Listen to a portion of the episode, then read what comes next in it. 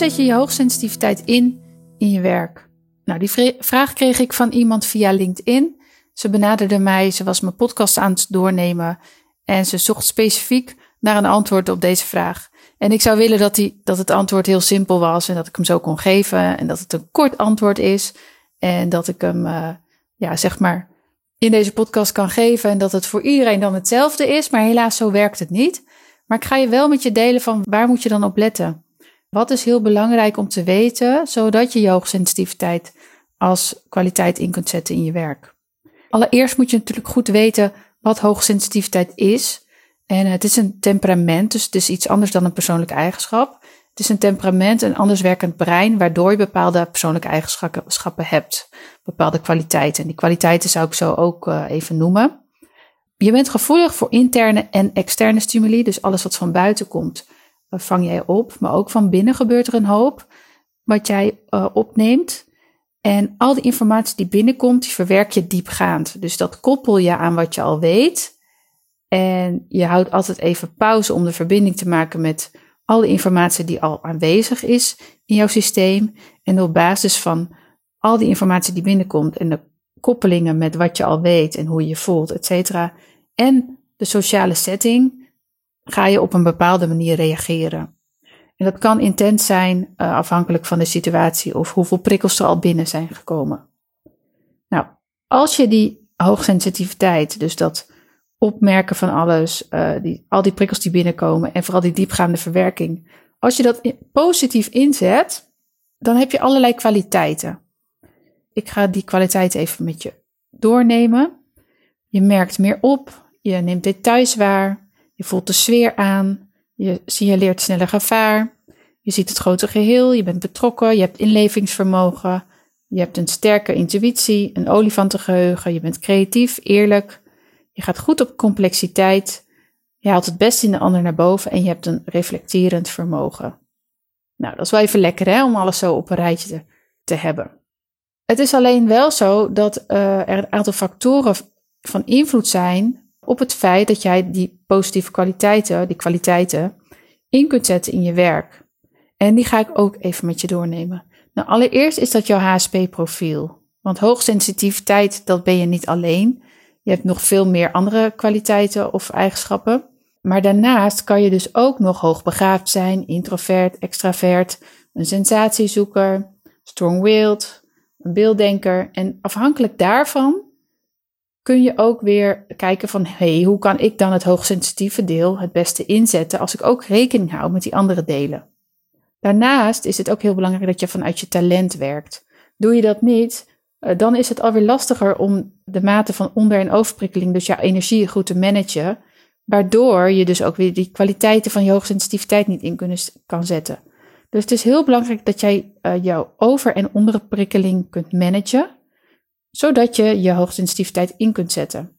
Als jij de hele dag van alles aan het doen bent waar je geen energie van krijgt, of je gaat maar door en je neemt geen tijd om, om alle informatie die binnenkomt te verwerken, ja, dan kan je ook dus niet de kwaliteiten van je hoogsensitiviteit inzetten. Dan kan je je hoogsensitiviteit niet inzetten. Daarnaast is de invloed van de angst voor afwijzing, in hoeverre die bij jou aanwezig is, ook, ja, ook van invloed. Dus de angst voor afwijzing. Als jij continu getriggerd wordt en elke keer worden bij jou bepaalde emoties geraakt, of tenminste bepaalde punten geraakt, en je voelt je daardoor niet fijn of afgewezen of je gaat afwijzing voorkomen, dan zit je dus ook niet in die sweet spot. Dan kan je ook je kwaliteiten van je hoogsensitiviteit niet inzetten. Natuurlijk wel tussendoor op bepaalde momenten, of dat je in één keer intuïtief iets aanvoelt. Maar als die angst voor afwijzing overschaduwt, ja, dan is dat gewoon super zonde. Dan kun je niet de kwaliteit van je hoogsensitiviteit inzetten. Dus dan heb je ook daarna te kijken van, hé, hey, wat wordt er geraakt? Wat is dat voor oude pijn en hoe kun je daarmee omgaan? En daar heb je echt wel uh, begeleiding bij nodig. Nou, wat ook heel belangrijk is, is bij het benutten van je hoogsensitiviteit als kwaliteit in je werk, is dat je op je gevoel vertrouwt. Dus dat je ook naar je gevoel toe kan gaan.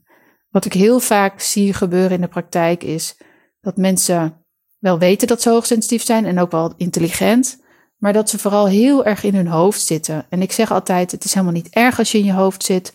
Je hoofd doet ook mee. Je hoofd is gewoon heel goed in alles analyseren om, zien, om te zien waar iets misgaat, om te kijken hoe het beter kan. Maar het lijf doet ook mee. Dus het is altijd nodig om ook naar je gevoel te gaan en om daar ook aandacht te besteden aan wat er in je gebeurt. Want alleen als je daar ook de ruimte voor pakt, dan kan je weer je hoogsensitiviteit positief benutten. Nou, wat ook heel belangrijk is, is, bij, is het inzetten van je intuïtie, oftewel je intuïtie benutten. Maar ook hier geldt weer, als je daar de tijd niet voor neemt, dus als jij niet voor jezelf zorgt of als je geen ruimte pakt tussen werkzaamheden in, als er geen stilte is, als er geen ruimte is om informatie te verwerken, dan is er dus ook geen ruimte voor je intuïtie. Dus maak daar ook bewust tijd voor. Nou, andere thema's die van invloed zijn, eh, zijn eventuele trauma's. Het kan een groot trauma zijn, het kan ook een wat kleiner trauma zijn, ontwikkelingstrauma. Als jij niet altijd gezien bent voor, voor wie jij bent als sensitief persoon of hoogbegaafd persoon, dan kan dat aardig wat wondjes uh, bij jou hebben aangebracht, wat nu littekentjes zijn. En ja, soms heb je daar ook nog naar te kijken, zodat je je in het nu lekkerder voelt. Het kan ook zijn dat er parentificatie aan de orde is. En dat houdt in dat jij bijvoorbeeld eerder voor je moeder hebt moeten zorgen voor je vader in plaats van andersom. Dus dat je niet helemaal jouw plek hebt ingenomen in het gezin van afkomst. En dat kan ook doorwerken in hoe jij nu in je werk staat. En de mate van het inzetten van jouw sensitiviteit. Je hebt het toen heel goed ingezet door een gat te vullen dat niet gevuld was.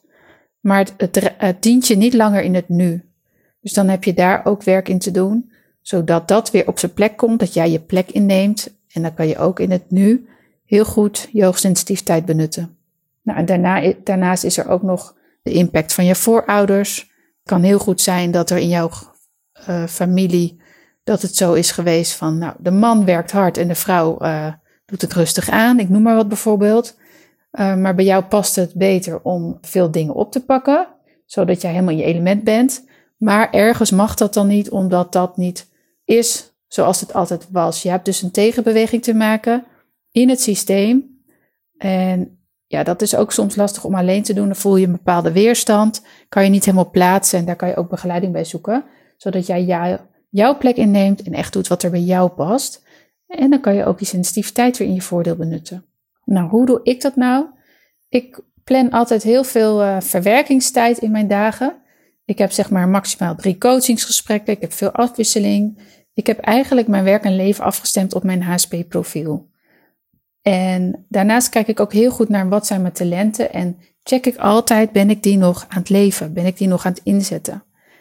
En wanneer ik dat niet doe, dan heb ik dus iets te doen, zodat ik weer lekker in mijn vel zit, zodat het weer beter aansluit, zodat ik weer vanuit mijn kern mijn hoogsensitiviteit in kan zetten.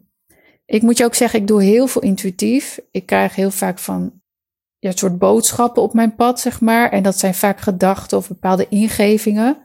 En dan denk ik, ja, dan moet ik daar wat mee. Ja of nee. En dat voel ik dan wel. En dan ga ik daarop acteren. Of dingen komen op mijn pad. En dan denk ik, hey, is dat interessant? Voel ik een ja of een nee? Dan ga ik daarmee aan de slag.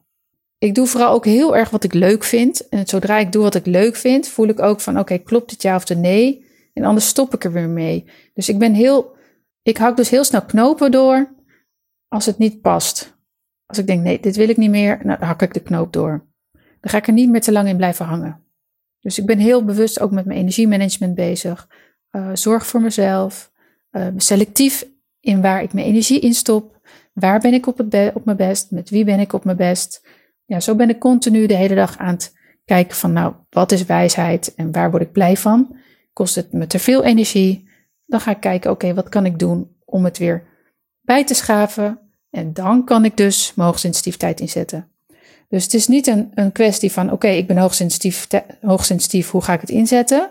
Nee, je kijkt naar wat is er nodig aan de onderkant en aan de bovenkant, in de onderstroom, om die hoogsensitiviteit in te kunnen zetten. Dus je moet eigenlijk een hele allemaal andere knoppen draaien om dat te kunnen doen. En ik hoop dat ik hiermee een aantal knoppen heb kunnen geven aan jou waar je aan kunt draaien. Nou, ik kan me voorstellen dat je daar misschien nog een vraag over hebt. Nou, voel je vrij om mij te contacten. Je kan me een bericht sturen op LinkedIn of via Instagram. Of wil je misschien gecoacht worden in relatie tot dit onderdeel, tot het inzetten van je hoogsensitiviteit in je werk? Voel je ook vrij om contact met mij op te nemen. Maar wil je al een eerste stap zetten? Ik ben weer uh, gestart met het programma Sensitief Sterk in je werk. Dat gaat op 3 oktober beginnen. Vier maanden lang ga je werken aan jou, aan het inzetten van je hoogsensitiviteit in je werk. Sensitief Sterk in je werk heet het programma dus vier maanden lang. Elke twee maanden is er een, uh, een groepsmeeting met uh, Katie, dat is een coach die voor mij werkt. En je gaat dan de thema's door. Wat is hoogsensitiviteit? Wat betekent het voor jou? Wat betekent het voor jou in je werk? Hoe zet je het in in je werk? Uh, waar moet jij op letten? Waar kan je op sturen zodat je hoogsensitiviteit in kunt zetten in je huidige werk of misschien je toekomstige werk? Uh, wat is jouw HSP-profiel? Hoe kun je energie managen? Dus hoe kan je onderprikkeling voorkomen? Hoe kan je overprikkeling voorkomen? Kan vragen stellen tijdens de meetings. Je krijgt een online omgeving met informatie, met, met werkboeken. En zo kan je heel zelfreflecteren kijken, zelfreflecterend stappen zetten in van, nou, wat heb ik nu te doen om me energieker te voelen, om meer die sensitiviteit in te zetten. Er is ook aandacht voor hoe je jezelf meer zichtbaar maakt, hoe geef je grenzen aan, uh, hoe kan kleding daar een rol in spelen. En zo ga je dus vier maanden aan de slag met een groep van gemotiveerde, hoogsensitieve professionals om sterker te staan in jouw werk. En nou, mocht je dat interessant vinden, ga dan even naar de website, naar uh, online programma's en daar staat er sensitief sterk in je werk onder. Ik zal ook even in de show notes de informatie erbij zetten. We starten 3 oktober en je bent van harte welkom. De eerste deelnemers hebben zich al aangemeld en het zou heel leuk zijn als jij je daar ook bij voegt. Nou, dankjewel voor het luisteren en uh, ik wens je een hele fijne dag met heel veel energie waar je je hoogsensitiviteit ook volop in kunt zetten. Dankjewel voor het luisteren naar de HSP en Werk podcast. Wil je direct praktisch aan de slag met jouw HSP en Werk? Download dan een van de werkboeken op www.hspenwerk.nl/werkboek.